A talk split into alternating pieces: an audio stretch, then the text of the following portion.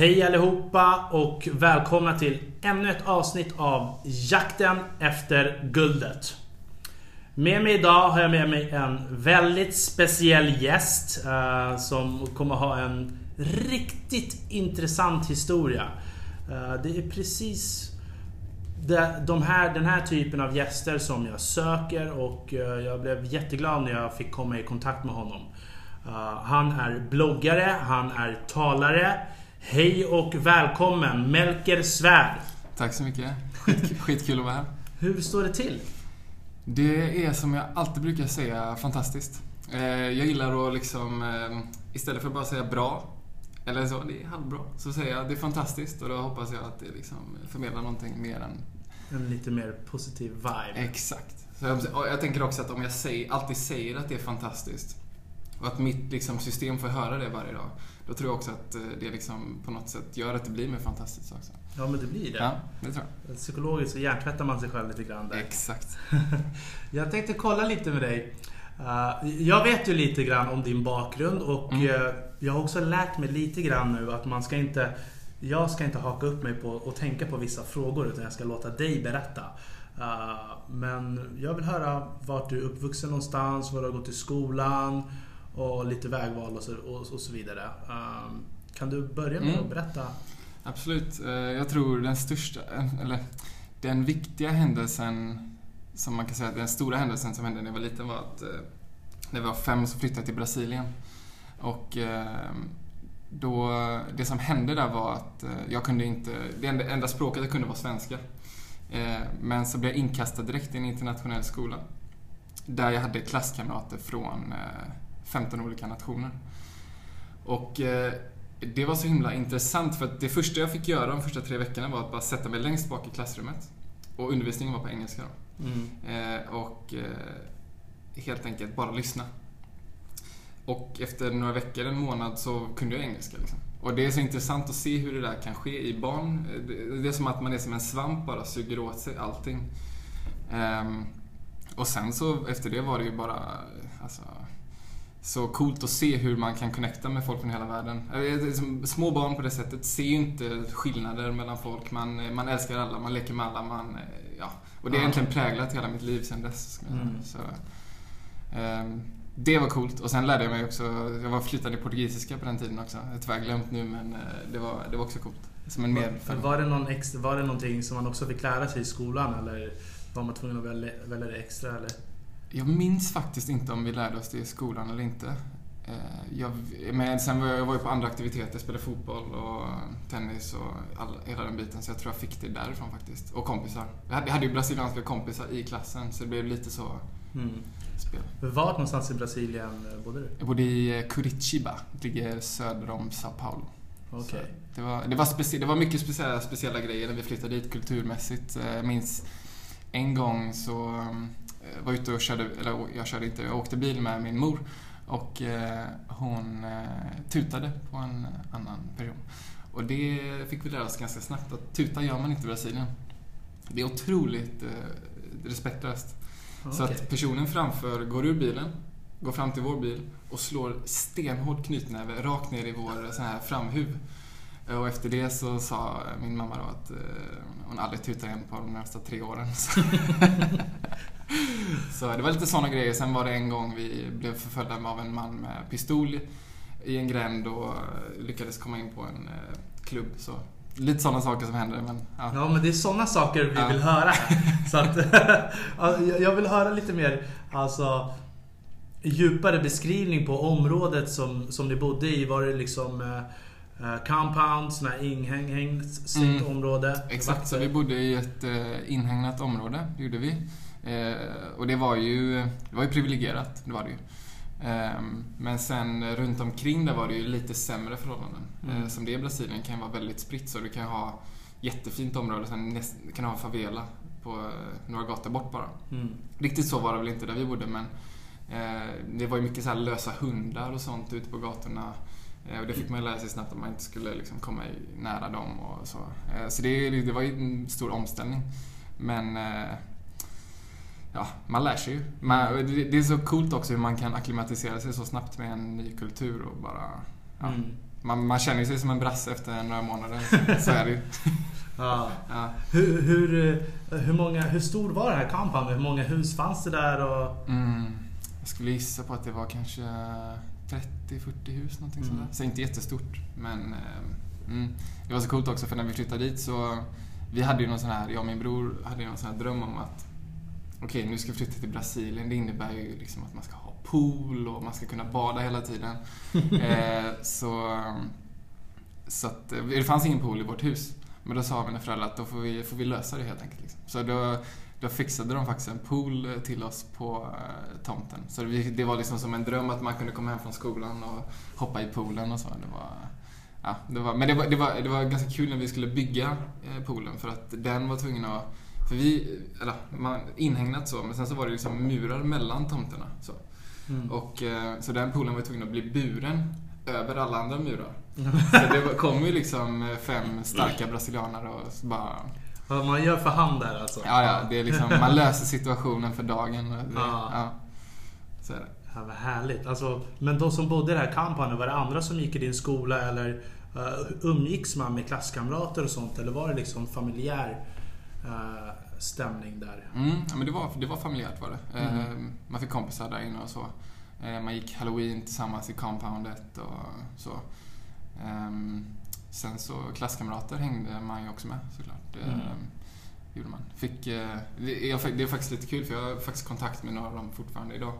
Vilket är väldigt... eh, Det blir så här. Jag träffade, när jag var i New York för två månader sedan så träffade jag en eh, tjej som gick i min klass då. Och eh, det, det är också så här, för man har ju någon sorts connection med varandra som man har gått i skolan. Ja, vi har inte träffats nu på, vi hade inte träffats på 18 år. Mm. Men det blir ändå så här att man ses och det liksom, vi har någon sorts connection. Hon Exakt. erbjöd mig att bo över hos henne. Alltså det blir så här, Det blir någonting helt annat. det blir något annat. eh, Ja. Ja. Och vilket land kommer hon ifrån då? USA. USA? Eh, halv, halvt amerikanska, halvt eh, brasse. Mm. Så, och sen ja, kompisar från Chile, från eh, Irak, ja, allt. Mm. Ja. Vad var det för olika klasskillnader? Alla föräldrar måste ha haft eh, jättehäftiga jobb och... Mm, ehm, det är en bra fråga. Ehm, jag tror att alla helt, alltså, jag tror alla var ganska privilegierade som gick Mm. på den skolan. Det var en internationell skola. Det var inget kommunalt liksom. Mm. Ehm, Var det en stor skola eller? Ja, men ganska stor. Eh, det var väl, eller ska man säga? Jag, skulle säga som ett, eh, det var ju från ettan till hela vägen upp till gymnasiet då. Ja, okej. Så det var ju alla åldrar så. Mm. Men eh, det var kanske två, tre klasser per årskull. Liksom. Jaha, ja. Ja. men då är det ändå ganska stort. Ja, det var stort. Det var stort. Att, eh, Ja, mm. nej men vad häftigt. Mm. Och någonting, eh, när jag flyttade, vad jobbade dina föräldrar med? Eh, Så att min far jobbade med Volvo, eh, lastvagnar. Okej. Så, ja, och min eh, mamma jobbade med IT, men hon jobbade inte när vi var där. Mm. Så eh, tog jag hand om oss och så. Som det blir när det är ett nytt, nytt, nytt land och lite så. Ja, men det, det, är så, det är så det blir. Mm. Det blir oftast att man får hänga med. Exakt. Eh, Men det är också ett jobb. Ja, jo, jo, Det exakt, det. Exakt. det, är liksom, det jobbigaste är ju för henne eh, att inte ha eh, den sociala biten på samma sätt som Mm. man har arbetskollegor och, Mm. och sådär. Mm. Så att the big sacrifice var ju verkligen hon som gjorde. Ja, exakt. Så. Så. Hur, hur, hur var det sen då? När flyttade ni därifrån då? Mm. Vi flyttade därifrån, jag tror det var eh, precis efter fotbolls-VM 2002. Så ni var där under fotbolls Ja, som jag minns det. Jag, det man, är, man är alltså inte osäker på om man, det man minns är korrekt eller om det var några månader efter. Men jag, jag tror det var så. Mm. Eh, men eh, det, ja, det var omställning att komma tillbaka till Sverige. Det var det faktiskt, även då. Eh, och det, det, det som hände var att jag hade ju bara lärt mig engelska genom att lyssna. Jag hade ju Mm. aldrig lärt mig, jag kan ju fortfarande inte idag en enda grammatikregel eller så. Men jag kan ju engelska väldigt bra, såklart. Eh, Som att jag fick det så tidig ålder. Så, när, så jag fick ju... När jag kom hem till skolan sen så var det alltid så här, ja men nu ska vi gå igenom de här grammatikreglerna. Och jag kunde ju prata perfekt, men jag kunde ju inte, alltså jag kunde ingenting. Jag fattade ingenting vad de snackade om. Vadå, liksom, jag kunde ju bara höra om det var rätt eller fel. Så det var så här, ja, lite tradigt att behöva gå igenom det, men ja. Hur var skillnaderna då? Alltså i inlärningsprocessen i Sverige jämte med internationella skolor i Brasilien? Mm. Jag tror det var ganska... Eller, det blir lite mer eh, här, respekt för eh, magister och lärarinnor och så där. Mm. Det är mycket så här Mrs och Mr. Som Mm. väl, I Sverige kan man nästan kalla lärare för smeknamn. Ja, det blir ju så. precis, så den omställningen var väl så. Men Mm. eh, man kommer in i det ganska snabbt. Man anpassar sig ganska bra som ung ändå, Mm. tycker jag. Vad kom du tillbaka till vilken skola då? då? Vad flyttade du? Då flyttade vi till Göteborg. Eh, började på en eh, vanlig skola bara. Eh, sen bytte jag två år senare eh, för att det var den skolan jag ville gå på. När Mm. kom det fanns ingen plats. Och eh, gick där hela vägen upp till nian. Eh, trivdes bra. Trivdes bra. Eh, och sen var det dags att flytta igen då efter nian. Mm, jag tänkte det, det måste Ja. komma en till flytt snart. Ja, exakt, exakt. Det har gått för många år. Nej, då flyttade jag faktiskt till Lidköping av alla ställen. Mm. Och började på tennisgymnasium där. Ja, nice. Ja, så att, det var också omställningen. Man flyttar hemifrån när man är 15 till egen lägenhet och så. Men man lär sig snabbt. Du ville bli tennisproffs då alltså? Då vill jag det. Ja, absolut, det vill jag. Men ehm, jag ska inte säga att det dog snabbt, för det gjorde det inte. Men eh, man inser ganska snabbt om, det är, om man är villig att gå den, eh, gå den eh, rutten. Liksom. Ja. För det tar många år och det är många mycket, mycket off, uppoffringar man måste göra. Som med allt annat. Men man får välja lite vilka, om. Tennis är ju väldigt ensam sport också. Väldigt ensam. Alltså du säger hej då till alla, för det är inte direkt att du spelar med dina kompisar. Nej, verkligen inte. Och det det som är lite... Jag, jag, jag ångrar absolut inte att jag har spelat tennis. Det är det bästa som jag har gjort. Men jag älskar ju lagsporter. Mm. Och tennis är ju verkligen tvärtom. Man är helt ensam. Mm. Eh, och man har ingen skylla på. Men man får, också, man får också all cred när det går bra. Ja. Eh, vilket, ja, det kan vara trevligt. Men eh, jag tror man, man tränar upp sig mentalt ganska mycket när man står på tennisbanan. För du måste verkligen lösa alla problem själv. Eh, och det kan finnas både för och nackdelar med det att man kanske lär sig att inte be så mycket om hjälp. Vilket jag kan ha lite spår av. Mm. Men eh, överlag så väldigt bra erfarenhet. Mm. Mm. Ja. Det var tennisgymnasium, vad var Mm. det för linje där då? Ja, det, jag hade, hade väldigt tur när jag började. För just året innan mig och mitt år så var det något helt otroligt hur mycket skola man slapp. Eh, genom att gå på det tennisgymnasiet då. Eh, så man behövde ju 2500 poäng för att gå ut gymnasiet. Och jag fick eh, 1400 genom att eh, träna tennis. Så Mm. jag behövde bara göra 900 poäng i skolan över tre år. Okej, Så det var ju i princip en lektion om dagen. Eh, Mm. Okej. så det var ingen speciell inriktning? Var det typ? Nej, det var samhäll, det var samhäll var det. Ja. Eh, Samhäll, samhäll antar jag. Mm. Eh, Men det var väldigt slappt var det, Mm. var det faktiskt. Tror du det är slappare på idrottsgymnasium eller tror du det är slappare ute i Lidköping eller?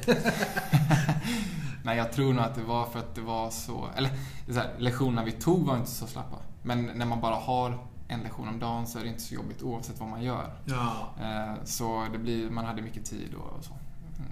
Och det då, var det en stor skola? Väldigt stor skola. Eh, Mest tror jag eget ansvar. Ja. Eller att inse att... eh, vet, först när man flyttar hemifrån när man är 15 tänker man wow, ingen kan tala om för mig när jag ska gå och lägga mig och så. Men man märker ju ganska snabbt att alla sådana val man gör varje dag har- spelar ju ganska stor roll eh, nästa dag. Mm. Så eh, vill man liksom eh, prestera på tennisbanan eller man vill göra okej på ett matteprov så gäller det att sköta sig på andra planen bara ha kul också. Mm, mm. Alltså fanns det flera idrotter där eller?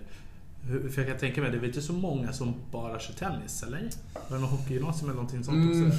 det fanns, men det som jag gick på var ett så- sånt här riksidrottsgymnasium. Så det finns, fanns ett i Lidköping och ett i Båstad. Så att just, just för tennisen var det bara... Eller jag gick i en vanlig klass då, men eh, det var bara... Det var separat då, alltså skola och tennisen? Mm, exakt. Ja. Exakt. Så vi gick eh, till en vanlig klass. Vi kom ju dit en timme om dagen till en vanlig klass. Liksom, Mm. i princip. Så, men det var jätte, jättebra period. Fortfarande mycket vänner därifrån också. Så Mm. tacksam för det. Och sen då? Sen eh, stack jag till USA. Eh, och eh, jag var... Jag, jag, hade så här, jag har alltid haft en dröm om USA. USA. Det har varit så här, okej jag vill till USA på något sätt. Och sen så kom möjligheten via college och stipendium via tennis och så. Eh, Så du fick tennisstipendium och hela... Exakt, exakt. Då Så- måste det ändå ha varit riktigt bra. Eh, ja, men det är allt är ju relativt. Men eh, jag, jag, var bra, absolut. Och eh, fick, så det funkade då var att man helt enkelt la upp en video på sig själv på YouTube. Och så fick man tillbaka skickat massa erbjudanden. Mm. Och fick man välja och vraka. Och så hamnade jag i Baltimore. Eh, jag fick höra det precis efter jag hade skrivit på att det var USAs, eh, den staden i USA som har flest mord. Ja, det var det jag tänkte. Jag bara, Baltimore, jag har hört det The. Wire. Så. Ja, Exakt. Eh, Så det är den och Detroit som toppar. Mm. Men nej, jag, helt ärligt, på fyra år såg jag inte någonting skumt. Så Mm. Ja. Och hur var skolan där då? Och hur, hur länge var du där? Så där, där var jag fyra år och ehm, ehm, det blir väldigt speciellt. Alltså man tror ju när man åker till college att allting ska vara som eh, The American Pie och sådana filmer. Mm. Riktigt så extremt är det ju inte även fast vissa inslag kan vara ganska lika. Ehm, Men just eftersom att jag var i tennisspelare då så blir man också sär, ganska särbehandlad. Så det är väldigt hierarkiskt så i USA. Mm. På, på många plan. Mm. Vilket, eh, ja, det kan man ju tycka vad man vill om. Det är klart, när man är tennisspelare och får fördelarna just då så tycker man ju att det är väldigt bra. Mm. Men jag kan ju också förstå att, eh, att eh, när man inte har fördelarna så är det inte så kul. Liksom. Mm. Men vadå, var, var golfen högst och tennis under? Alltså tennis borde ju vara ovanför golfen, tycker jag. Ja, men det är väldigt tydlig hierarki att amerikansk fotboll går först. Ja, det gör det. Eh, Ja, och sen kommer ehm, basket. Och sen kommer baseball. Ja, just det, det är bara för att de tjänar pengar redan Mm. på college där. Exakt, Mm. exakt. Så, sen kommer väl tennisen någonstans efter där. Mm. Var, var det så att kommer det folk, jättemycket människor och kollar på era matcher och så snor skolan era pengar och matchpengar? Och, Eh, just tennisen drar inte in några pengar mm. på college. Så, um, eller det finns kanske vissa skolor som tar betalt för biljetter men det är väldigt få tror jag. Mm. Ehm, så det var ju inte riktigt så. Ehm, det är klart det är mycket folk som kommer och kollar och så. Det är väldigt kul. Eh, och det, det som blir skillnad på college, som vi snackade om förut, att tennis är sån, eh, sån ensam sport. Men där blir det plötsligt lagsport. Så det var ju liksom, det var ju guld för mig. Jag älskade ju det. Mm. Eh, och försökte ju eh, liksom verkligen ta mig till det.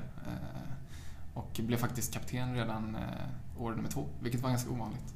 Så eh, ja, det var kul. Det var väldigt kul. Nice. Mm. Men vad- Hur, hur, vad hette den skolan då? Och, Den hette University of Maryland, Baltimore County. ja, Ja. och hur många klasser var det? Hur stor var den? Alltså, Ja. Så där blev det ju lite chock, för där var, jag tror det var 18 000 elever. Ehm, Så det blir en omställning. mm. Eh, Och där, där får man ju inga alltså, skolmässiga fördelar som tennisspelare. Utan Ja. där måste du ju verkligen göra allting som alla andra gör. Mm. Eh, Men... eh, Nej men det var intressant. Mycket... Det blir lite så när man börjar på college att man får...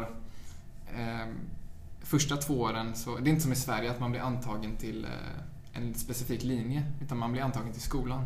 Mm. Så att första året, två åren, kan man egentligen välja och vraka lite vad man vill ta för kurser. Och jag hade inte riktigt bestämt mig vad jag ville läsa så när jag kom dit. Så för mig blev det ju ganska perfekt. Att jag bara fick, jag tog lite så här rock and roll history och sånt första, Mm. första terminen. Så det var väldigt, eh, ja, det var inte skitkul men det var, det var speciellt och ja, den delen av. Sen då, har du tagit några ämnen som du har nytta av idag? Mm. Alltså jag skulle säga under min college-tid så den eh, kursen som eh, verkligen skakade om min värld var en entreprenörskapsklass. Mm. Det hade en professor som eh, det kallas för adjunct professor när de inte bara är professor utan de också gör någonting bort. Så de kommer dit en kväll i veckan bara och, Mm. och lär Ge ut tillbaka typ. Exakt. Ehm, och han hette Gib Mason och han var... eh, Det, det, det här var liksom... eh, Han, han öppnade så många tankar i mig och gav mig så mycket lärdom att jag liksom fortfarande tänker på honom nästan dagligen. Liksom av tacksamhet just av den anledningen. Mm. För han... Jag kommer ihåg en av de första sakerna han sa var att... Eh, eh, det, var, det var också sättet han började kursen på. Första dagen kom han in och så sa han så här. Ja, vi ska göra en liten... eh, Jag vet vad ni är vana vid. Professorer som bara börjar prata och så. Men det här kommer vara skillnad. Jag kommer bara berätta stories. Under, och så kanske du vet, det kommer in någonting annat under tiden. Men vi kommer börja varje klass så här. Så vände han sig med ryggen mot oss. Och så vände han sig om och så skrek han “Welcome!” Och så ville han att alla vi skulle repet- repetera det då. “Welcome!” tillbaka. Så det var så här, han visade direkt att energi är så jäkla viktigt. Mm. Och att man kan ha en annan typ av inlärning än den traditionella. Och det bara så här direkt, wow! Liksom. Det här, Mm. här, då blev man fäst också. Man ville liksom, okej, men berätta mer. Och eh, så här, liksom, ja, så. Och sen eh, avslutade han varje, eh, varje lektion med att sätta näven i, i him, eller mot himlen liksom. Och så sa han “Live in the dream baby”. eh, och det var bara så här, jag vet inte, det var helt, helt nytt liksom. Och jag Mm. tänkte bara, det här är, det här är fantastiskt. Ja, Jag verkligen tänkte det för att Mm. amerikanerna de har ju så pass mycket energi och de är ju liksom världens bästa på service Mm. och sälj och allt sånt där. Så du måste verkligen ha fått kraftiga intryck på den biten. Mm. Eh, Och massa saker, alltså utöver bara entreprenörssaker så måste du ändå ha fått det från annat. Mm. Ja. Ja. De har väl en ganska annorlunda eh, stil. ja, men verkligen. Det är ju, ehm, jag brukar alltid säga att det är, väldigt, det är väldigt enkelt att ha många vänner i USA. För du kan prata med vem som helst. Eh, och alla är öppna för det. Mm. Vilket jag verkligen tycker om, vilket är väldigt skillnad mot Sverige. Mm. Det är så här, ja, folk kan knappt sitta bredvid varandra på tunnelbanan. Det blir så här stor skillnad. Eh, Men jag säga det också angående den eh, kursen. Det första vi fick göra faktiskt var att han gav varje elev en bok eh, som hette The question before the question. Nej, The question behind the question. Mm. Så heter den. Och eh, jag säger fortfarande idag att det är nästan den boken som har liksom betytt mest för mig. Eh, och då fick vi en vecka på oss att läsa den. Och sen skulle vi presentera den för klassen då, i små grupper. Och ehm, du vill kan jag bara dra Ja, du ska dra den. Ja, alltså, nej för att det, den här boken handlar helt enkelt om eh, personal accountability. Vilket är alltså personligt ansvar. Mm. Ehm, och ehm, för att jag ska säga innan, innan i mitt liv så har jag alltid, varit, jag har alltid sett mig som en ganska positiv person. Men jag har också alltid haft lätt till att hitta ursäkter till saker. Ja men Mm. det funkar inte på grund av det här och det var hans fel och bla bla bla. Du vet, sådana saker som är väldigt enkelt att hamna i. Mm. Men då, den här boken öppnar någonting för mig som var väldigt, eh, ja, alltså det skakade om min värld helt enkelt. Och då, då, då, grundprincipen är så här. Att för ett bättre liv så ska du ställa bättre frågor. Och enligt den här QBQ-metoden då så ska du skriva, eller så här. Du hör ofta folk som säger, ja men, eh, här, varför, eh, när ska marknadsavdelningen göra sitt jobb? Eller varför, varför håller han på så här? Och, eh, alltid så här, skyller på saker, ta inte det på sig själv. Mm. Men, då, då säger, och det är en fråga, det är frågor då. Men då säger han att man ska ställa bättre frågor genom vissa regler. Då. Den första regeln är att den ska innehålla ett hur eller vad. Det är regel nummer ett. Regel nummer två är att den ska innehålla ett jag. Och regel nummer tre är att den ska fokusera på action. Så till exempel då. Säg att, eh, säg att du har varit snäll och tagit fram vatten här på bordet. Mm. Säg att den skulle vara tom. Då kan jag som en dålig fråga ställa, "Ja, men, åh, varför har inte Armand eh, ställt hit något vatten? Mm. Men istället då enligt QBQ-metoden så blir den frågan, men vad kan jag göra för att vi ska få vatten på bordet? Så det blir så helt annorlunda tänk och, om vi tar exemplet från förut att ja, men varför gör inte marknadsavdelningen sitt jobb? När ska de följa sin deadline? Vad ska, sådana frågor. Då, då blir det istället, men vad kan jag göra för att hjälpa marknadsavdelningen så att vi i framtiden kan jobba mer effektivt? Mm. Vad kan jag göra? Hur kan jag hjälpa? Mm. Och det blir så här, det blir ett helt annat eh, fokus i frågorna man ställer. Och, ja. Mm. Nej, alltså jag håller helt med. Det är Mm. exakt sådär jag alltid har tänkt. Ja, vad bra. Du fick det utan boken. Ja, alltså jag fick det utan boken, precis. Nej, men det är också, jag, jag har ju syskon och det, jag tycker att det är en del om man, om man har man syskon och sådär, då har man tränat lite på sådana saker. Mm. Och du sa att du hade en storbror, eller? Mm, storebror och eh, lilla syster. Mm. Mm. Då är du mellanbarn. Mellanbarn, man brukar säga att det är det bästa. ju. Så eh, det här är tur. Mm. mellanbarn, ja, okej. Där, är du där är du en bra storebror och lillebror. Eh, jag tror det. Eh, jag tror det var jäkligt jobbig lillebror ett tag. Eh, tror jag. Det har jag också fått höra nu på senare år. Men jag, jag hoppas att det är en bra storebror. Det tror jag. Eh, Men Vad är det kan för åldersskillnader? Så att min storbror är två år äldre Mm. och min lillasyster är tio år yngre. Så Okej. det är lite glapp där. Mm. Men det är kul. Att, ja, hon har faktiskt gått samma väg som oss också. Samma Lidköping och så. Okej. att, eh, ja, Vad så hon lever lite vår eh, grej nu. Mm. Ja, men det är kul. Riktigt kul. Fy alltså, nu, det jag- alltså. Nu när man flyttar runt sådär och Mm. jag vill inte hoppa för långt fram Nej. heller i historien för jag har lite fler saker att fråga Mm. om USA. Mm. Jag vill höra om ditt boende och Mm. jag vill höra om du liksom hade någon heartbreak eller vad som helst. Liksom. Du måste bjuda Ja, ja. tjejerna på någonting kanske. Ja, nej alltså. Jag, det första som hände när jag kom till college var egentligen att jag blev eh, iscensatt i ett sånt här eh, dorm med en annan kille som också skulle börja tennislaget, som var fransman. Och eh, han kunde väldigt dålig engelska första tiden, som alla fransmän. Mm. I alla fall de som inte har bott så mycket utomlands. Ja. Ehm, och eh, det var taskigt kanske att säga så, men... eh, Ja, men det är klassiskt. Ja, Fransmän, frans- italienare och spanjorer. De Ja. är sämst på Ja, engelska. men exakt, exakt. Så, ehm, nej men så vi, trots språkbarriären så ehm, kom vi väldigt bra överens eh, väldigt snabbt. Eh, och eh, det blir väldigt intimt man bor två stycken i samma rum, precis som i filmerna. Så ser det ut liksom. Ja, det ser ut så. Alltså, en säng på varsin sida. En säng på varsin sida, varsitt skrivbord och så en toalett liksom. Mm. Så att ehm, det var väldigt kul och jag kommer ihåg i början när vi knappt kunde kommunicera så bra. Så var det någon gång när han sa någonting som han själv började skratta åt. Han tyckte det lät konstigt. Och sen så slutade det med att vi båda låg och skrattade bara. Från, från ingenting. Och det blir också så här, man inser hur den mänskliga, eller den mänskliga kontakten, inte, det krävs inte så mycket egentligen. För att man ska Mm. liksom verkligen bli bra eh, polare och så. Nej, precis. Så, ja. Eh, Men nej, så vi bodde där några, jag bodde med honom i ett år så.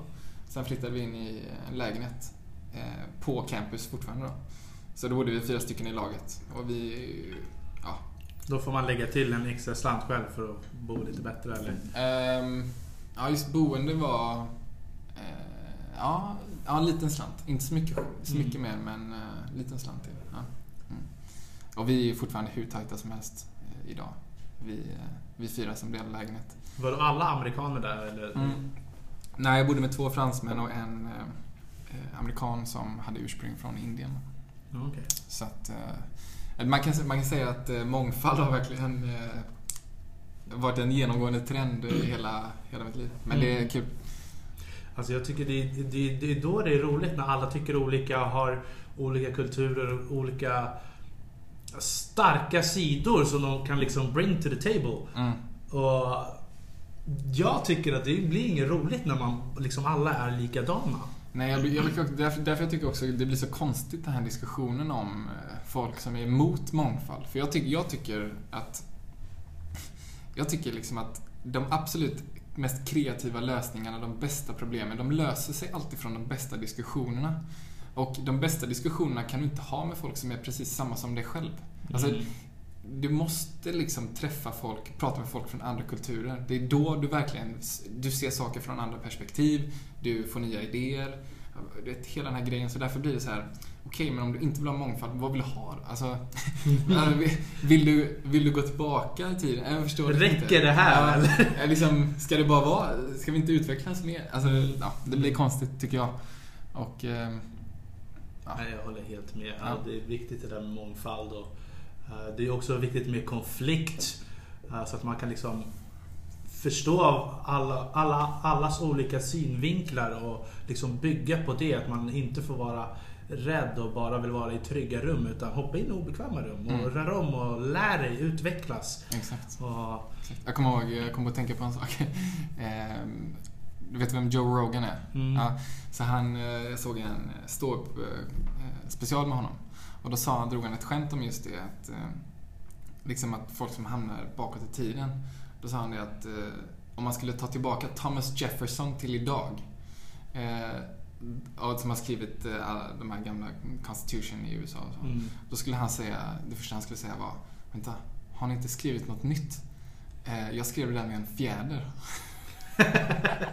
Exakt. Och det blir lite så här, okej, det är ett extremt exempel, men det är ändå, det är ju sant. Mm. Alltså, de grundreglerna, vilket man får tycka vad man vill om såklart, men de är ändå skrivna med en fjäder. Det är länge sedan. Mm.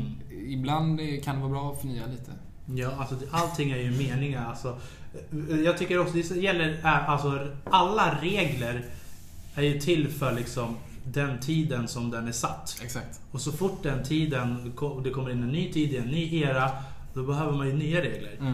Eh, Exakt. men uh, sådana här sororities och grejer. Mm. Hade ni det? Var det med en Ehm, sorority eller? Eh, sororities är ju för tjejer då. Så Jaha. fraternities, Fraternities, är ju för, eh, för killar. ja. Eh, Men eh, jag var inte med i en sån för att eh, det, det är inte riktigt populärt när man är idrottskille. Eh, eller Vad var det för status där? Alltså var det så här, Vad var det för status på, på fraternity och sorority? Nej men de har ju sin community, så är det. Och jag skulle inte säga att de har någon speciell individuell status så. Utan det är mer att de har, de har sina fester liksom. Och där, det ska man säga också att som idrotts eh, så blir man inbjuden till sånt. Så man, man får ju gå på festerna. Men man, man får inte riktigt vara med i eh, själva Mm. klubben om man säger så. Ja, men. Men, eh, ja, nej, så det är speciellt. Sånt fanns och Mm. var, det, var det något speciellt? Alltså, hände det? Var det någon speciell händelse som...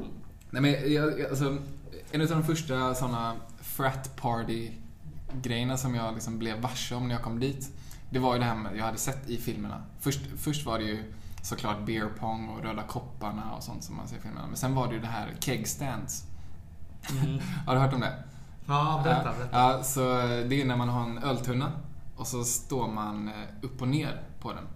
Och eh, ja, det är någon sorts tidsgräns och så, ja, det är väldigt, väldigt obehagligt men eh, jag har testat det också. Det, Ja, blev, det blev bara en, det blev bara en gång faktiskt eh, för mig. Men det var inte, det var inte så trevligt. Men ja, jag förstår inte de som... Många gjorde det där varje helg. Men hur är det där med alkohol och sånt där? Man får inte dricka förrän man är 21. Mm. Var det Exakt. folk som åkte fast och blev utkastade från skolan eller? Mm, nej, eh, jag skulle dock säga att det är lite annorlunda kultur. När man kommer dit så, när många kommer, eller när jag kommer dit så insåg jag snabbt att det är ju faktiskt fler som har rökt marijuana än druckit alkohol. Mm. Så det, det märker man också, kulturen skiljer sig snabbt. Ehm, och eh, många, vi, alltså, här, det är inte svårt att få tag på alkohol även om du är under 21. Även då. Mm. Ehm, men eh, ja, det blir ju mycket liksom. Eh, ibland. Eh, på college. Kanske för mycket skulle jag säga. Ehm, Men det känns som att de är så himla stränga just när det gäller alkohol, Mm. eh, amerikanerna. Mm, men sen ska man komma ihåg också att eh, det finns ju polis. Men sen finns det ju också campus police. Mm. Och det är de som är de poliserna på skolan. Mm. Så det är de som har hand om allting och de är ju va- ganska vana vid att det är fester och sånt. Så de är kanske inte lika hårda som den vanliga polisen är. Mm. Så man, ja, man, man, man klarar sig ganska bra. Även om det är klart, ibland så det är klart fester har blivit nerstängda och så. Det är, det är klart, det händer. Mm. Men, eh, ja. Jag tänker så här. äh, Du som ändå har varit på massa olika ställen och eh, träffat olika nationaliteter. Vad, jag har ju min åsikt om vad jag tycker att som svensk, vart man är placerad någonstans vad det gäller rent erfarenhetsmässigt och vad, liksom, vad vi kan. Mm. Vad tycker du eh, om man kommer till den frågan? Skillnaden mellan Mm. amerikaner och svenskar till exempel? Eftersom de ändå tror de är bäst. Mm. eh, nej, men amerikaner är ju... De kan ju inte så mycket om resten av världen. Eh, kan de inte. Eh, de har väldigt svårt... De, många har ju aldrig varit- lämnat landet. Eh, många vet ju knappt var Frankrike ligger på kartan. Så. Och det är mycket fördomar om eh, ja, men att det är liksom snö året runt i Sverige och det är mycket sådana där saker som, som man kanske som vi tar för givet att man ska liksom, det är självklart att man vet att Paris ligger i Frankrike och inte i Tyskland. Ja men det är sådana Ah. saker. Men å andra sidan så är de ju väldigt duktiga på sin egna historia. Eh, träffar, du, träffar du 100 amerikaner på college så kan ju 95 av dem rabbla alla presidenter. Som, eh, det, liksom, det, så det blir så här konstigt, okej men vad är det som är verkligen viktigt här? Att kunna.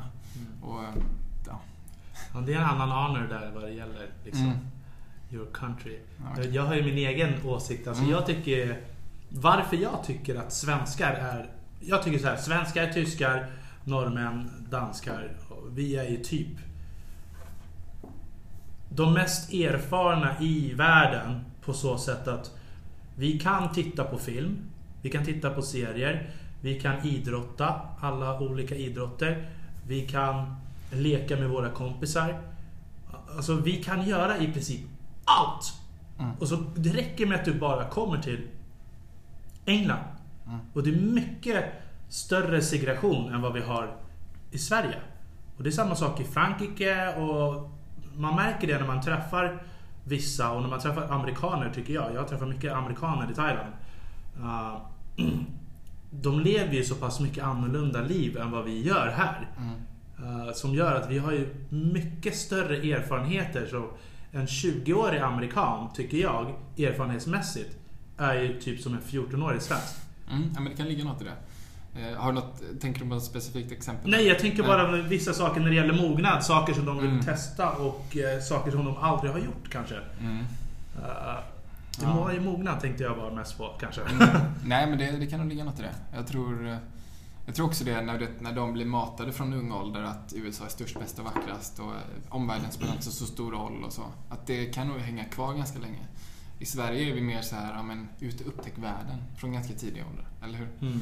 Så, eh, nej men jag tror att, jag tror att det är nog, jag tror inte förklaringen är jättemycket svårare än så. Att det, Ja. Ja.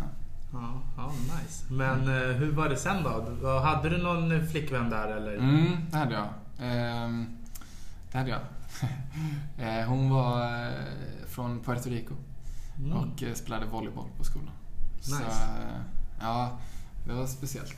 Ehm, Det var också, om vi ska snacka kulturskillnader, det var väldigt speciellt att åka och hälsa på hennes eh, släkt och så. Eh, Det blev verkligen skillnad från eh, det man är van vid i Sverige och så, kan man säga. Ja. Ehm, Åkte du till Puerto Rico då eller? Ja, exakt. Jag har varit där några gånger. Och, ja, ehm, nej, men jag kommer ihåg eh, bland det första som hände var att eh, hennes eh, styvpappa sa nu ska vi åka på en biltur.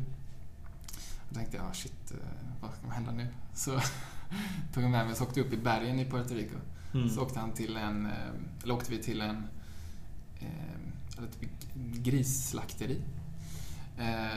Och så hängde det liksom massa grisar på och började snurra så här. Och då sa han liksom, ah, det här är en puertoricansk specialitet. Nu ska du testa, följ med in här. Så du vet, eh, hälsa lite på ägaren liksom, bara går in som om det är ingenting.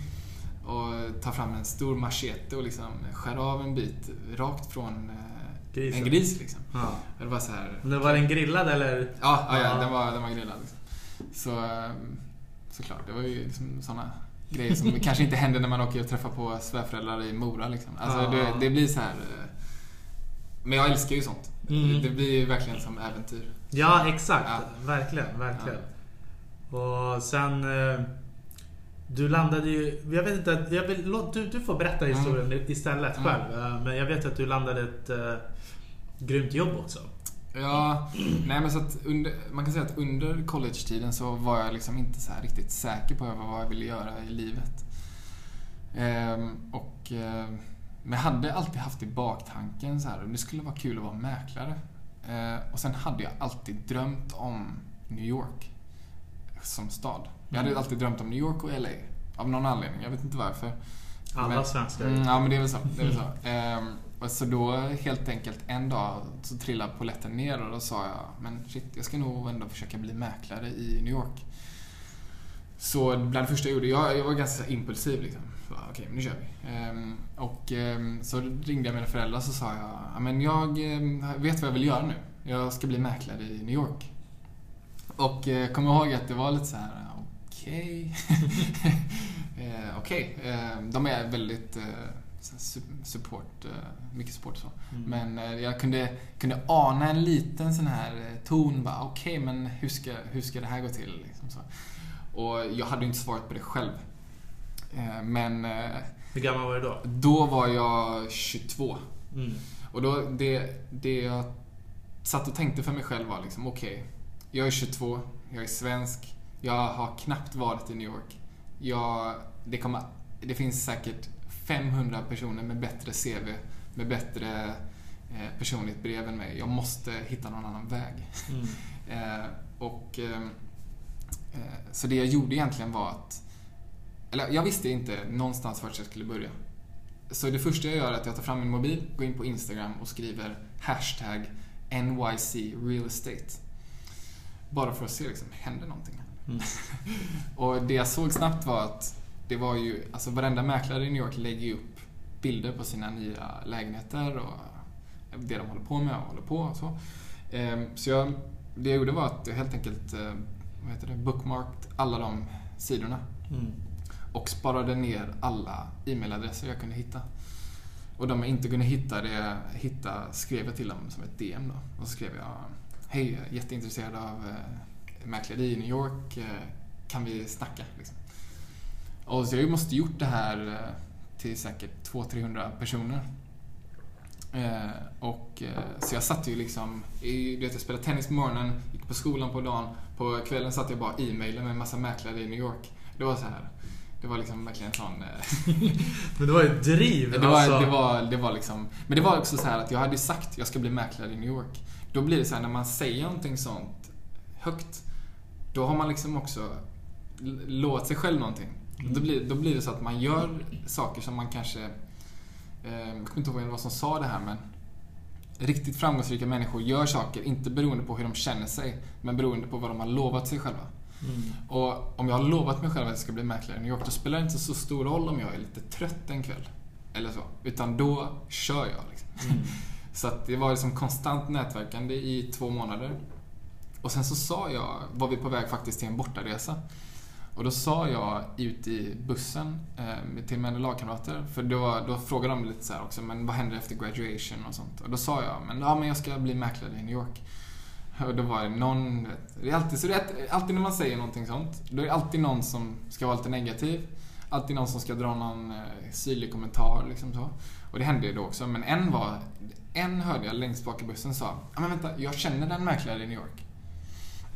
Och då sa jag, wow, eh, kan du connecta oss? Eh, så fick jag, eh, fick jag kontaktuppgifter och så skickade jag ett mail. Satt där och bara skrev värsta långa e-mailet. Eh. Och så fick jag inget svar. och så tog det säkert en månad innan jag fick svar. Mm. Eh, För jag hade också skrivit i, i ämnesraden hade jag döpt det till New York City Dreams. Jag hade inte skrivit någonting om jobb eller så. Mm. Och då sa, har jag hört från honom i efterhand att på grund av den ämnesraden, det var därför han öppnade e-mailet. Men det, det man kan säga med det var att jag hade fått kontakt med andra mäklare på samma firma. Och då hade jag till slut lyckats networka mig fram till att jag hade lyckats övertala en att ge chefen mitt CV. Mm. Och eh, liksom så. Eh, och så hade jag skrivit ett jättepersonligt brev och inte fokuserat någonting på eh, liksom, mina skills utan mer vad jag ville. Mm. Ehm, och ehm, då fick jag till slut då, efter månaders hårt eh, intensivt jobb så fick jag äntligen en intervju då. Och då skrev han, men var på 555 eh, Fifth Avenue eh, på onsdag klockan 05, eller vad säger jag, eh, 08.00. Och eh, då insåg jag att shit, 08.00 det är tre timmar från New York, då måste jag alltså åka härifrån. Så jag tog bussen 04.00 från Baltimore. Mm. Eh, och, Är det eh, så stora avstånd alltså? Ja, tre timmar. Tre timmar upp med bussen. Eh, Men det ska man också säga att då hade jag fått intervjun med eh, bossen. Och då sa, skrev jag till han, den andra kontakten, som knappt hade svarat mig. Då skrev jag också att nu har jag fått en intervju. Bara så att du vet. Mm. Och då, då svarade han direkt. Ja, ah, grymt. Jag kommer och är med på intervjun. Så jag använde liksom lite dem mot varandra, vilket var ganska hjälpsamt då. Mm. Och eh, intervjun gick eh, bra. De verkade mm, tycka om att jag hade kämpat så hårt för intervjun. Liksom. Då antar att de såg att okej, men om han är villig att kämpa så hårt för intervjun så kanske han kan kämpa med annat också Mm. i framtiden. Mm. Så det gick bra. Jag fick en eh, första sån här internship-tjänst över sommaren. Och eh, ja, Och vad, vad, eh, hur ser den tjänsten ut? Följer du med en annan mäklare? Exakt, så då, det jag gjorde var att eh, jag fick under den sommaren helt enkelt bara följa med eh, en annan mäklare och eh, fick även göra lite, visa lite så här små lägenheter själv. Eh, mest så här hyresrätter och så. Mm. Som ändå kostar 100 000 svenska i månaden i New York. Ja. så, ja, så det var galet. Um, nej, men sen så är det lite kul också att han eh, som jag försökte få en intervju med så länge, han eh, fick jag sen fast jobb med också då.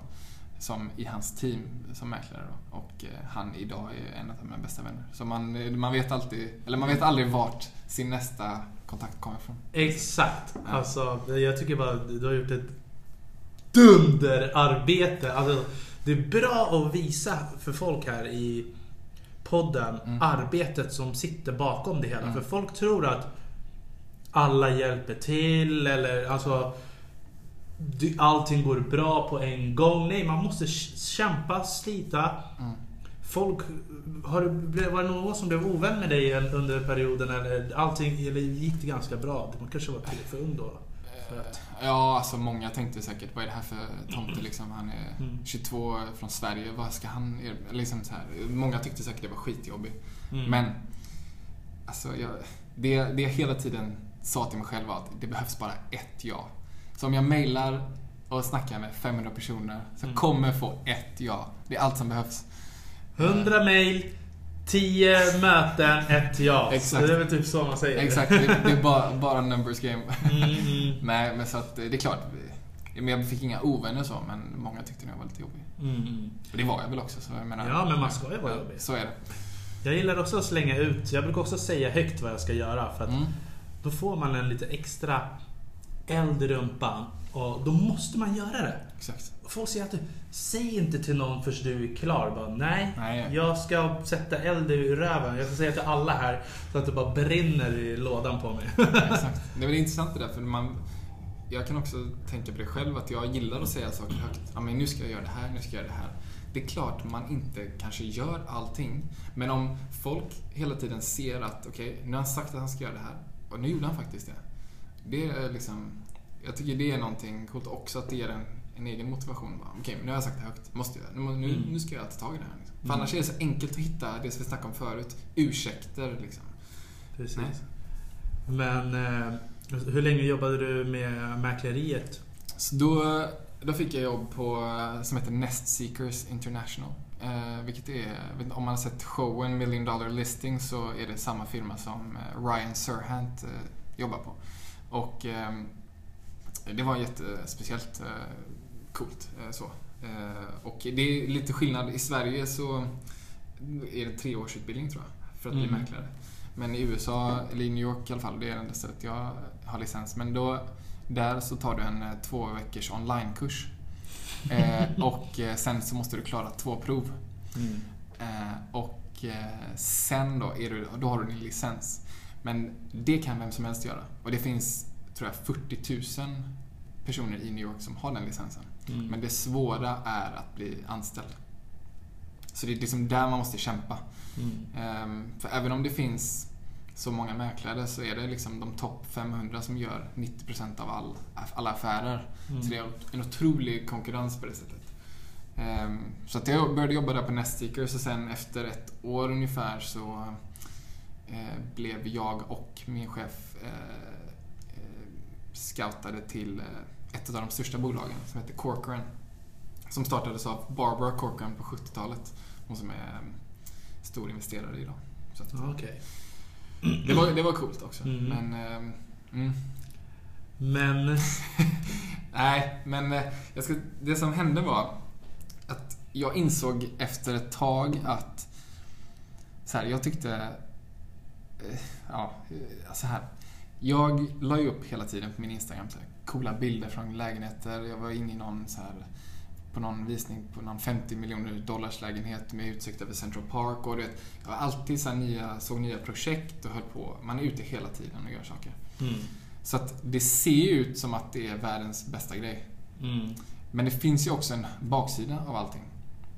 Och jag, det, baksidan för mig var att jag insåg att det är kul att vara mäklare. Men det är inte givande överhuvudtaget. Det är bara en utbyte. Du flyttar en familj till en annan lägenhet och det är ett utbyte av pengar. Sen är det klart. Mm. Det är ingen som bryr sig om någonting annat än pengarna, få den bästa dealen och så. Mm. Så att det jag insåg var att jag hade nog varit mer kär i staden New York än själva mäkleriet. Och jag försökte, det finns en teknik som heter fast forwarding. Så man, man helt enkelt kollar där man är och så kollar man de som är mest framgångsrika i branschen. Och så tänker du, vill jag vara där om 10 år? Vill jag vara där om 15 år? Där de är idag? Mm. Om svaret är nej, då måste du byta bana. Mm. För att det är liksom... För det det är dit du kommer hamna om du gör det så bra du kan. Så Exakt. jag insåg direkt att nej men jag kommer, även om, det spelar, kommer inte spela någon roll hur mycket pengar jag tjänar på detta.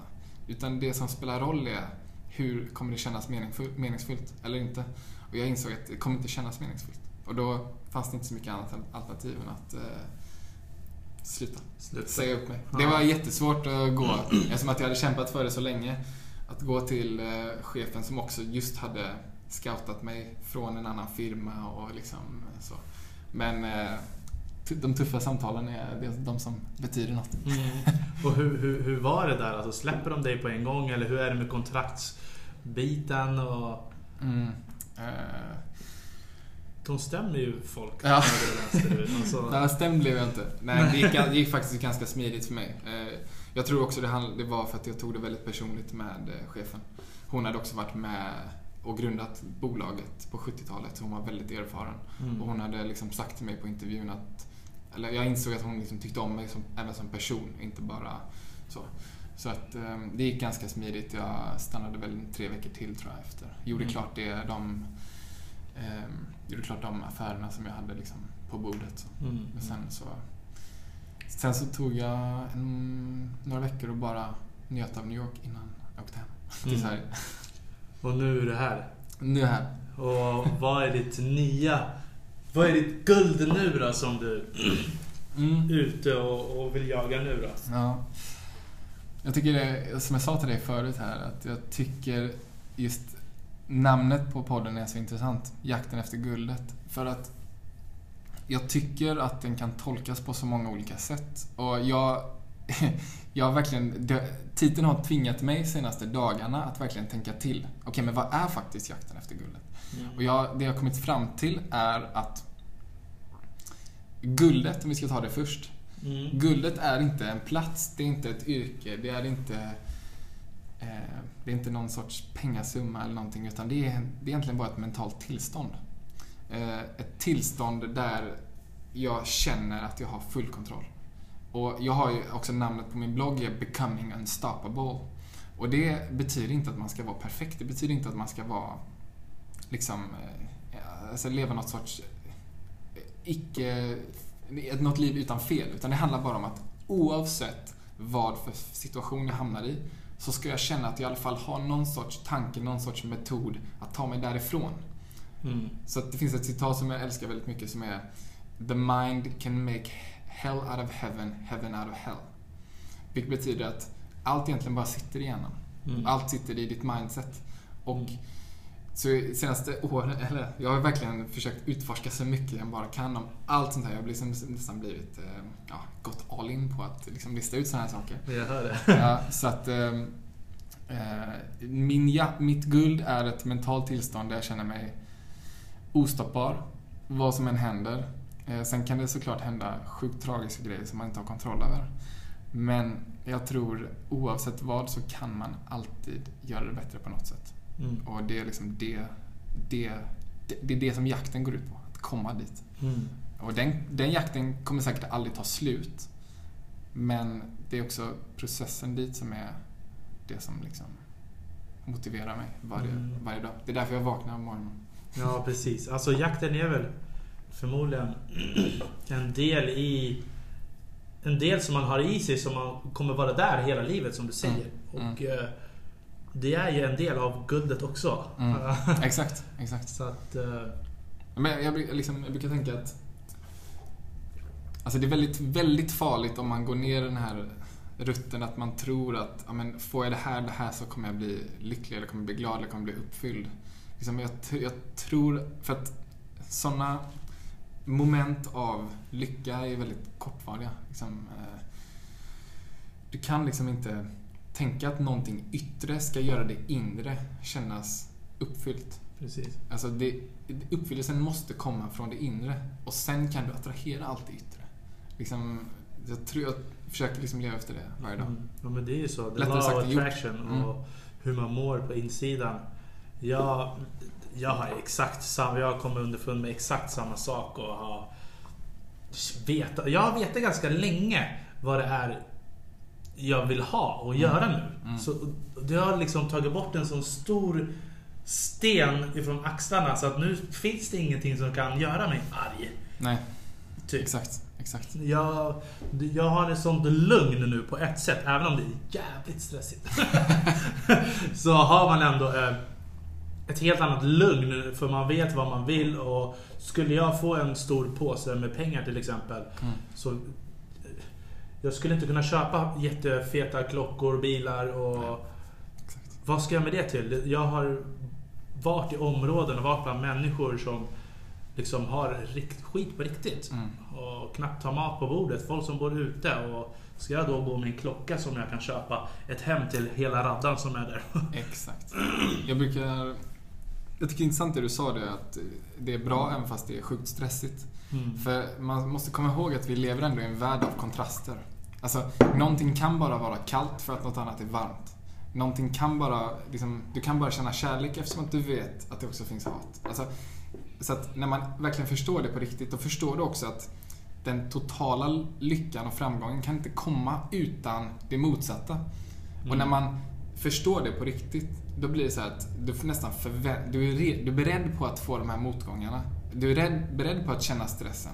Mm. Men liksom, det spelar ingen roll eftersom att du är ändå på väg dit du vill. Precis. Eller hur? Jag Ja. antar att det var lite så du menade också. Ja, precis, precis. Och det är det jag känner att du också har samma mindset. Alltså jag märker det, det är därför jag har suttit och smilat lite Mm, under hela ja. berättelsen. Att jag känner igen mig så pass mycket i det du säger och eh, Visst, du har ju haft en annan resa men vi ändå är ganska lik på ett sätt. Mm. Mm. Men eh, jag tänkte så här, om du vill så kan vi ta en liten paus Mm, det kan vi göra. och så fortsätter vi om ett tag. Perfekt. Bra, bra. Då pausar vi lite. Så, då är vi tillbaka efter pausen igen.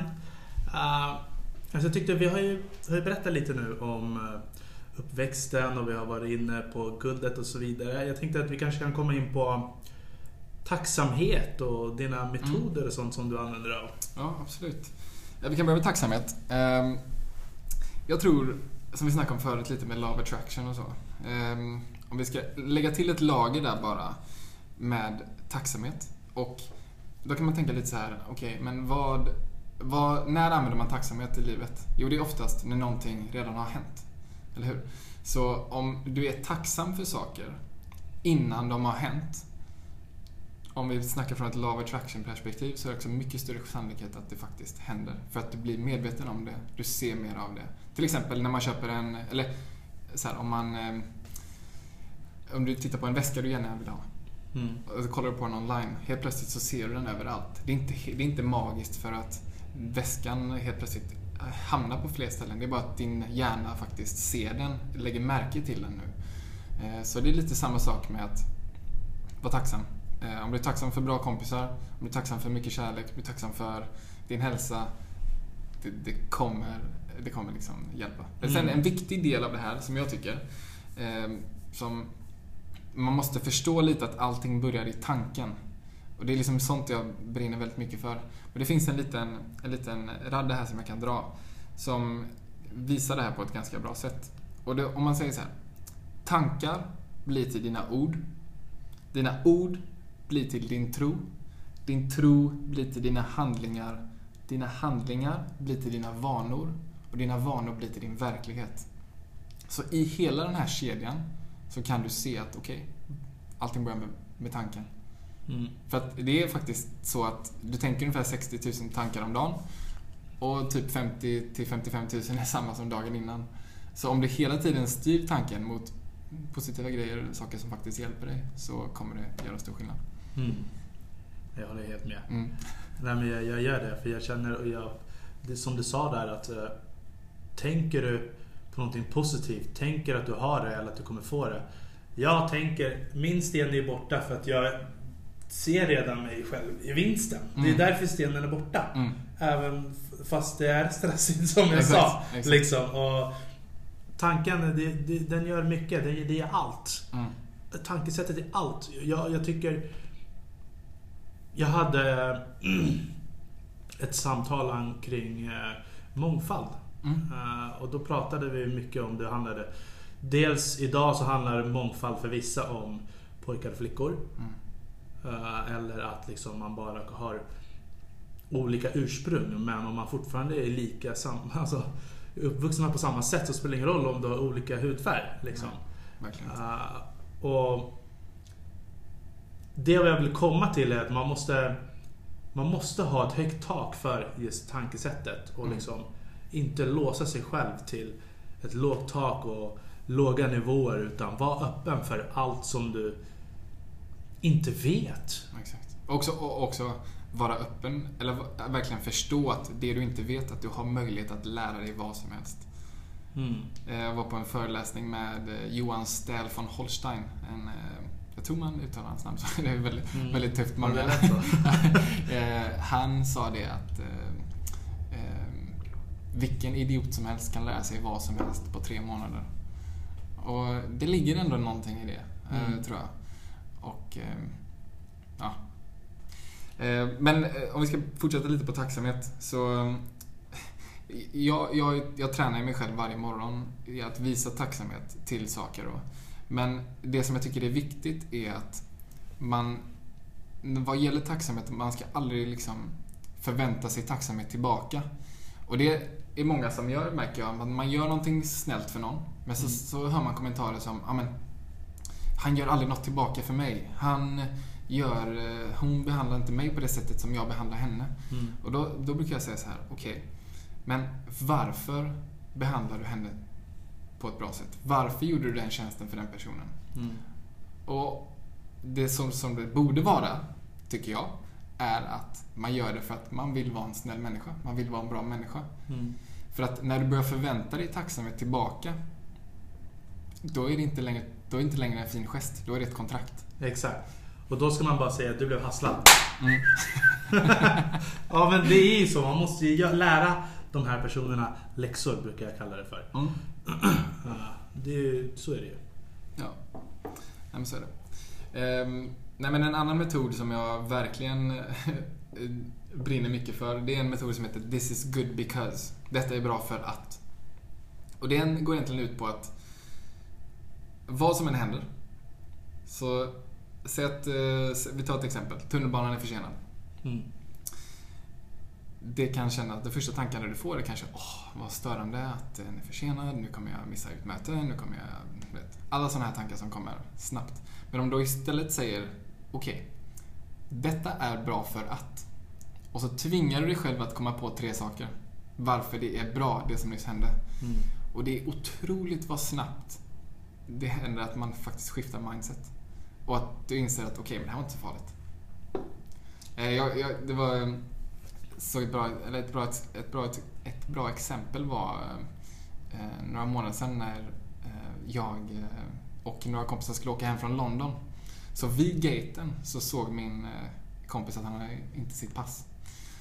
Och då, eh, vi pratar ofta om, om sådana här grejer och så. Och då eh, sa jag, vände jag mot honom och så sa jag, viskade till honom, sa jag eh, This is good because. Med ett stort leende. Eh, och eh, han, eh, först var han ju lite så här, "Ja, men det här är störande liksom. Men sen så, eh, så var vi tvungna att gå på planet.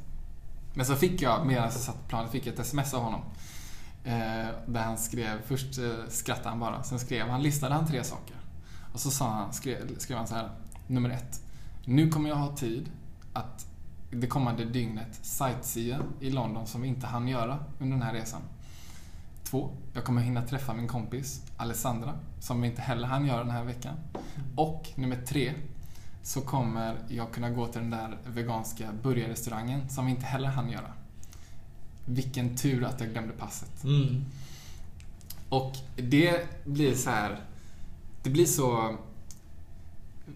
Det är en sån enkel grej, men det gör sån enorm skillnad. För helt plötsligt så tyckte han ju, ja men det här var ju bra. Att jag Mm. glömt passet. Så, ja. Alltså jag håller helt med. Jag, det, det här är också, jag tycker det är det som jag älskar med poddar. Det är när man hör på hur andra människor berättar saker och historier Och hur det liksom stämmer överens med Mm. en själv. Mm. Och jag har alltid tänkt sådär också. Alltså hur... Så fort någonting händer, jag vet att det är det okända som leder mig till de nya sköna vägarna. Du kommer inte få komma in på den här dunderfesten där du träffar de här människorna som kommer förändra ditt liv. När du liksom har bokat någonting förbestämt. Aldrig någonsin har liksom de stora upplevelserna varit förbokade. Det är alltid slumpen som tar en dit. Så är det. Så är. Så att därför har jag alltid varit positiv till just sådana där saker. Mm. Slumpen och liksom rid på vågen och se vart den tar er. Exakt. Och det, det, just den metoden är en så himla stor del av det jag snackade om förut, att just med det här med jo, becoming unstoppable. Alltså det, blir, det, det, det tvingar dig verkligen att, tvingar dig att se det positiva i oavsett vad som händer. Mm. Och vet, det, det är många som, eh, många som säger att, folk som har varit med om helt otroligt eh, tråkiga, tragiska grejer. Men så ändå år senare så säger de, ja men jag är faktiskt tacksam att det hände. Mm. För att det har lett till det här, det här och det här. Precis. Och det jag menar är att man kanske inte alltid måste låta det gå ett par år innan du tänker på de sakerna som du faktiskt har gett. Utan om du, om du kan styra dig själv mot de vägarna när det väl händer eh, så tror jag att man kan eh, liksom spara sig mycket dålig, mycket dålig tid och istället eh, starta den processen mot att se det positiva ganska snabbt. Mm. Jag håller helt med. Ehm, mm. En annan metod som jag brinner väldigt mycket för är något som jag kallar för So What-metoden. Och eh, det här är också ganska enkelt, men jag, jag tror på att mycket av det man kommer lyckas med fantastiskt bra kommer vara ganska obekvämt under tiden man gör det. För att, som vi snackade om förut, att hoppa ut i det okända och det är inte alltid bekvämt och utanför comfort zone och allt det här. Ehm, Så till exempel, jag kan ta ett exempel. Jag tar en kalldusch varje morgon. Och det är ju höjden av obekvämhet. Det är ju Mm. otroligt obekvämt. Eh, men jag vet ju varför jag gör det. Och då, om man tar so what-metoden, helt enkelt. Det enda den betyder är att, okej, det är lite kallt nu i duschen. So what? Eller om, om, om du jobbar en lång kväll för att eh, du vill eh, få en grym poddgäst. Det är lite jobbigt. So what? Mm. Det, liksom, det spelar ingen roll i, i vägen mot ditt långsiktiga mål. Just de här små instanserna av obekvämhet. Precis. Alltså det är ju bara liksom smågrus på vägen. Mm, exakt. Du ska liksom köra flera mil och då kan man inte stanna vid första smågupp eller stopp. Nej. Jag håller helt med. Mm. Uh, Jag hör att du har lyssnat mycket på Framgångspodden också.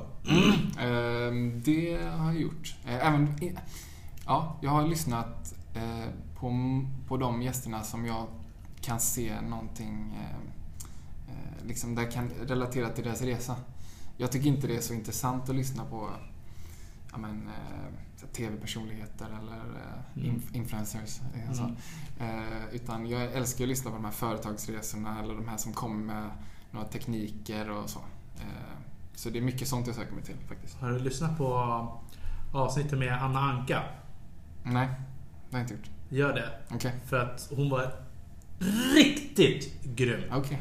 Uh, och hon pratar väldigt mycket om det här. Hon har ju förlorat sina barn.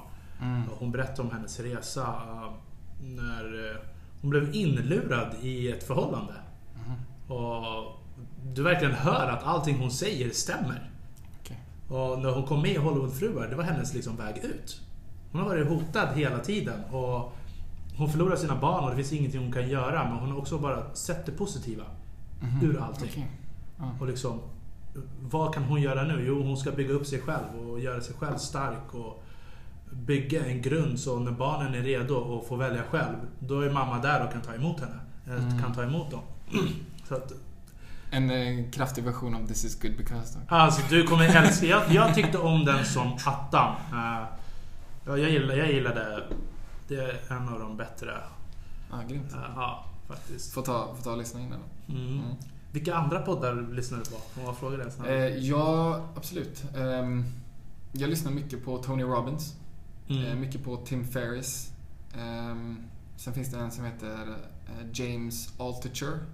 Så jag lyssnar, jag lyssnar egentligen mest på amerikanska, Amerikanska. poddar. Ja.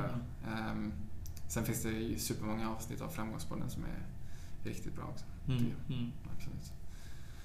Ja. Ja. Återigen, har du några fler metoder att bjuda på? Men vi kan väl prata om morgon, morgonrutinen. Morgonrutinen? Ja. Nej, men jag tycker så här.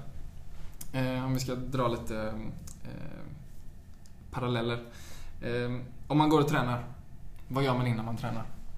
Man värmer upp, eller hur? Om man ska hålla ett föredrag, vad gör man? Jo, man förbereder sig.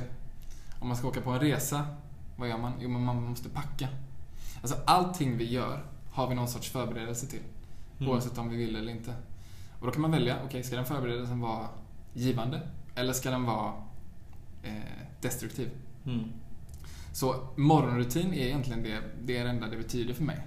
En förberedelse för det absolut viktigaste vi har, vilket är dagen framför oss. Mm.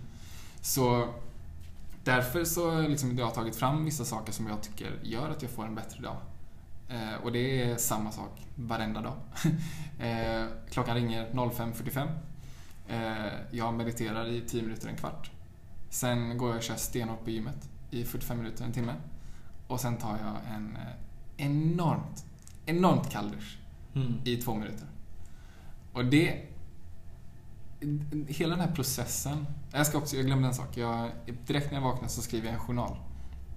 Där jag svarar på tre frågor. Eh, tre saker jag är tacksam för. Och en sak som jag tror kommer göra den här dagen fantastisk. Mm. Och det som vi snackade om förut, det med att lite prima sin hjärna om att okej, men det här kommer, det här har jag skrivit att det vill hända. Och eh, ja, ofta så ser man det positiva under dagen. Mm. Mm. Ehm, Så det är det som jag gör varje morgon. Och ehm, det är bara sätter mig i något så himla skönt mentalt tillstånd. Att det känns som att okej, men nu är klockan eh, 07.15 och jag har redan klarat det här, det här och det här. Mm. Vad ska kunna stoppa mig nu? jag förstår vad jag tänker. Exakt. Har du dina vänner och sådär, eh, lever de efter samma strikta regler som du gör? Mm, Eller tycker du att de är jo, slappisar? ehm, nej, men det, det finns vissa som gör det. Eh, vissa som lever så långt ifrån det man kan göra. Eh, Men eh, som vi snackade om förut, jag tycker det är bra att ha vänner från, från alla som har alla, alla möjliga typer av åsikter. Jag hade inte velat hänga med bara folk som gör det exakt som jag. Som Mm. vi, bara, vi bara pratar om eh, att duscha kallt. Liksom. Det, är, inte- det är inte så kul. Eh, Men eh, absolut, jag har vänner som, eh, som gör... Det blir också så när man, när man börjar med att ändra sitt liv på många sätt så dras man ju automatiskt till folk som eh, Tänker likadant. tänker likadant. Som den här podden till exempel. Ja, precis. Du och jag. Ehm, så att, eh, och det alltså, om vi, om vi ska ta meditationen som, en, eh, som ett exempel. Det är någonting som alla kan göra. Det är bara att ladda ner valfri app. Nu är det klart, jag tycker vissa är bättre än andra. Och köra 10 minuter, 15 minuter på varje dag. Ehm, Jag kommer ihåg när jag var på eh, föredrag med Tony Robbins i London. Så eh, snackade han om just det här med att ta en, en kvart för sig själv varje morgon. Och då frågade han liksom, hur många gör det här? Det var inte många Mm. i publiken. Men då sa han så här. Uh, okay, I'm gonna tell you something. If you don't have 15 minutes for yourself in the morning, you don't have a fucking life. Mm. Och det var så här, okej, han har nog rätt här. Eh, om man inte kan ta 15 minuter för sig själv, har man verkligen så mycket annat att man inte får tid med det, är det mycket annat som är värt det då, tycker jag. Jag förstår. Sen så finns det de som är som jag, som är totalt ensam. alltså, och har varit det i flera år. Mm. Alltså, det är så här, nej, Mm. jag vill hellre... Alltså, meditation. Mm. För mig, jag har också mina morgonrutiner. Det är inte liksom... Jag, jag gillar att ta en kopp kaffe. Jag käkar inte frukost. Inte. Eh, och efter jag har tagit min kaffe, då tar jag en dusch. Alltså när man är klar. Och det här med träningen. Jag körde träning ganska bra i många, många, många, många år. Men det senaste året har blivit kaos. Och det är inte någon morgonträning. Nu ska jag vara glad om jag får till det någon gång i veckan faktiskt. Eh, och det måste jag definitivt ändra på. För jag känner hur... Jag har en ganska nonchalant syn på vad jag, hur jag måste se ut. Alltså jag bryr mig inte så mycket eh, om hur jag ser ut för andra, hur jag framstår och sådana saker. Det är lite egoism som gör att jag kan flyta på och göra alla de här sakerna som vi har pratat om. Eh, men... Vad var det jag skulle säga nu med det hela? Hur som haver så... Morgonrutinen, kaffe och meditationen, det kan jag göra på kvällen. När jag ska sova, då blir det nog Ja. det. Alltså jag ligger i sängen och försöker hamna i det här tomma intet Mm. och försvinna. Men på morgonen skulle jag... Med, jag är sån speedboat på morgonen. Alltså Mm. då, så fort jag vaknar, då är det... Mm. Det, då jag måste jobba, alltså allt jag behöver göra, det är på morgonen. Jag är ingen morgonmänniska. Men om det räknas för om man vaknar, då är jag som absolut mest aktiv och vaken i huvudet. Och faktiskt. det låter som att det är som jag använder bara ett alarm eller? Va? Ja. Ja. Upp direkt. Ja, Ja, alltså samma. en sekund. Och folk som är med mig, jag kan börja knäppa, sjunga. Det är speedboat alltså. Ja, det är bra. Det är Mm. bra. Ehm, ja. Ha, har vi något mer? Nej men alltså... Så här, en sak som jag tycker är väldigt viktig som jag lärde mig ganska sent. Det är det här, vi har alltid varit väldigt, ehm, väldigt här, desperat efter korta resultat. Allt, allt ska gå snabbt. Allt ska liksom, jag ska, om jag gör något nu vill jag se resultat väldigt fort. Jag, vill liksom, jag har inte sett det här långsiktiga perspektivet. Så jag tycker någonting som har varit väldigt viktigt för mig och jag, efter att ha pratat med många andra insett det väldigt, också har blivit väldigt viktigt för dem är det här med att förstå ackumulationslagen. Att små saker över väldigt lång tid är det som ger det absolut stora eh, resultatet. Ehm, så till exempel när jag, när jag började blogga tidigare, tidigare i år så, så sa jag det liksom, men jag vill liksom jag vill ha en väldigt stor blogg. Jag vill liksom kunna kommunicera allt det jag vill kommunicera till många människor. Och jag vill liksom det här och det här. och det här. Men så kom jag på det att för att jag ska kunna skriva mitt tusende inlägg så måste jag ju faktiskt skriva de första 50. Mm. Alltså, och sen måste jag skriva om nästa 50. Och sen måste jag skriva om nästa 50. Och det är liksom samma sak som din podd. Du måste, för att göra de här enorma avsnitten, avsnitt 1000, måste vi göra det vi gör idag. Mm. Liksom, det, finns, det finns ingen väg runt omkring det. Du kan inte ta hissen. Du måste verkligen ta trappan. Och det Mm. låter jättecorny, men så är det ju. Mm. Och jag tycker egentligen det bästa exemplet är ju om vi ska snacka om eh, ackumulationslagen. Eller så här. Om vi tar ett exempel med träning till exempel. Så om du tränar 15 timmar på en dag. Vad händer då? Jo, du bryter ner kroppen totalt. Och du kommer antagligen inte träna på en månad efter det. För Mm. att du hatar det så mycket. Men om du tar samma 15 timmar och sprider ut dem över 45 dagar och kör 20 minuter om dagen. Då kommer du antagligen se ganska mycket resultat. Mm. Så det betyder egentligen bara att samma, samma effort över tid ger mycket högre resultat än om du gör allting direkt. Precis. Mm. Nej, jag håller helt med. Mm. Och eh, saker och ting behöver inte vara perfekt heller eh, när man kör. Alltså, jag har slängt ut mig flera gånger och haft noll aning. Bland annat med den här podden. Mm. Jag skulle egentligen haft gäster och jag väntade på gäster i ett halvår. Mm. Så jag bara, men jag kan inte vänta. Jag, jag, hur ska jag släppa ett poddavsnitt och bara slänga ut mig där utan att ha gäster? Folk bara, nej. Vissa svarade inte, vissa tackade ja, sen backade de ur. Jag hade inspelningar som sen inte fick släppas. Då var jag så här, okej, då m- måste jag släppa min story om mig själv först då, för att försöka attrahera. Och det var väl det som var början. Uh, och så samma sak där, det var så himla läskigt. Alltså hela biten är jätteläskig och nu har, jag blivit mer van med mikrofonen. Alltså förut var jag helt stum.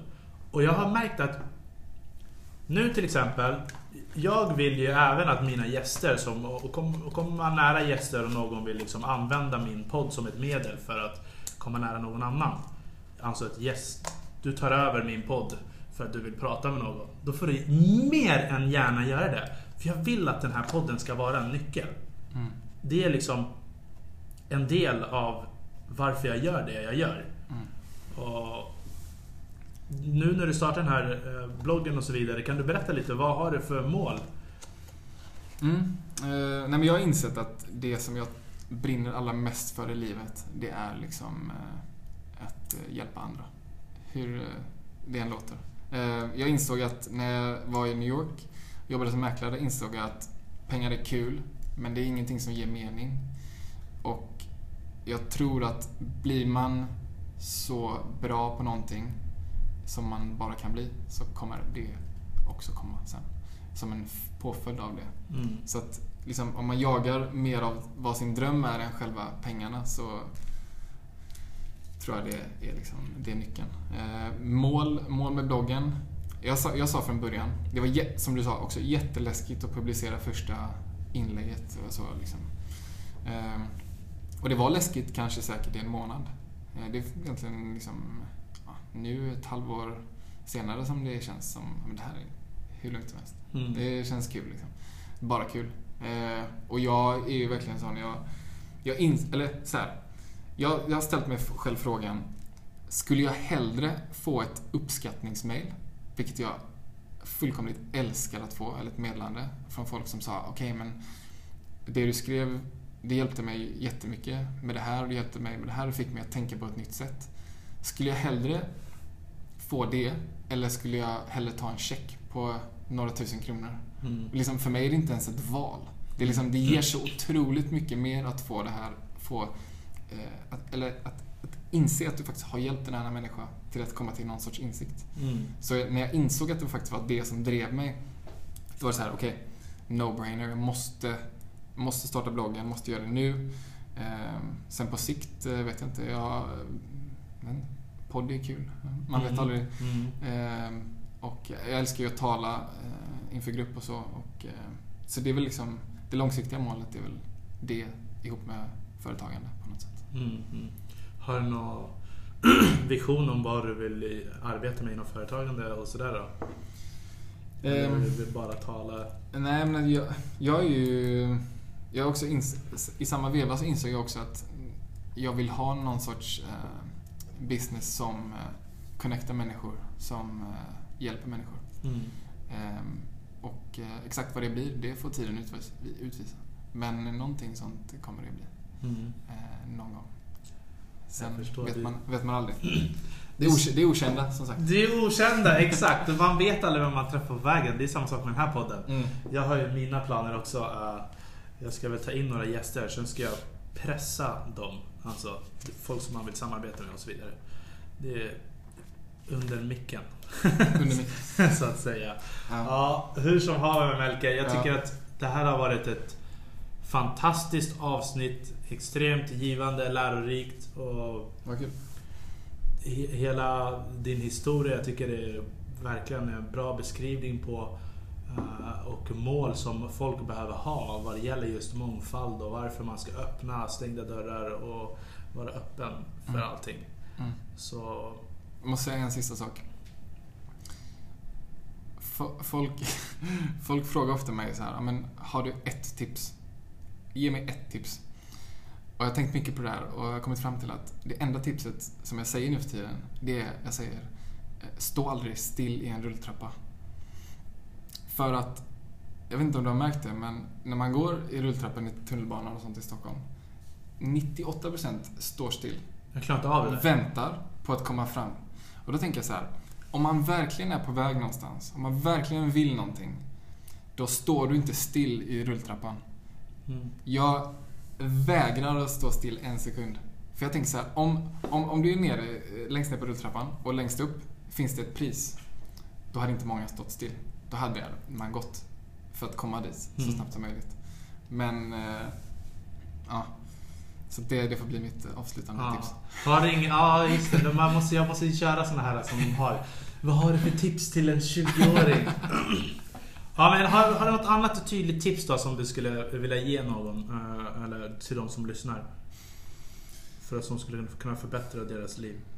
Um, nej men jag tror, jag tror det absolut viktigaste är bara att, uh, att uh, Det finns ett citat som jag älskar, det kan vi faktiskt avsluta med. Uh, att vi överskattar vad vi kan göra på ett år, men vi underskattar vad vi kan göra på tio år. Och ehm, ja, det ser jag överallt idag, att folk startar en business, ger upp jättesnabbt. Eller de startar en podd, ger upp jättesnabbt. Startar en blogg, ger upp när det inte går bra. Mm. Men om du istället har perspektivet att okej, okay, men vad kan jag göra med den här idén över de kommande tio åren? Då kan det bli ganska bra. Det finns en, det finns en ganska kul historia. Det var en, en, en sån kille som spelade violin. Heter det violin? Nej, nej. Fiol. Fiol.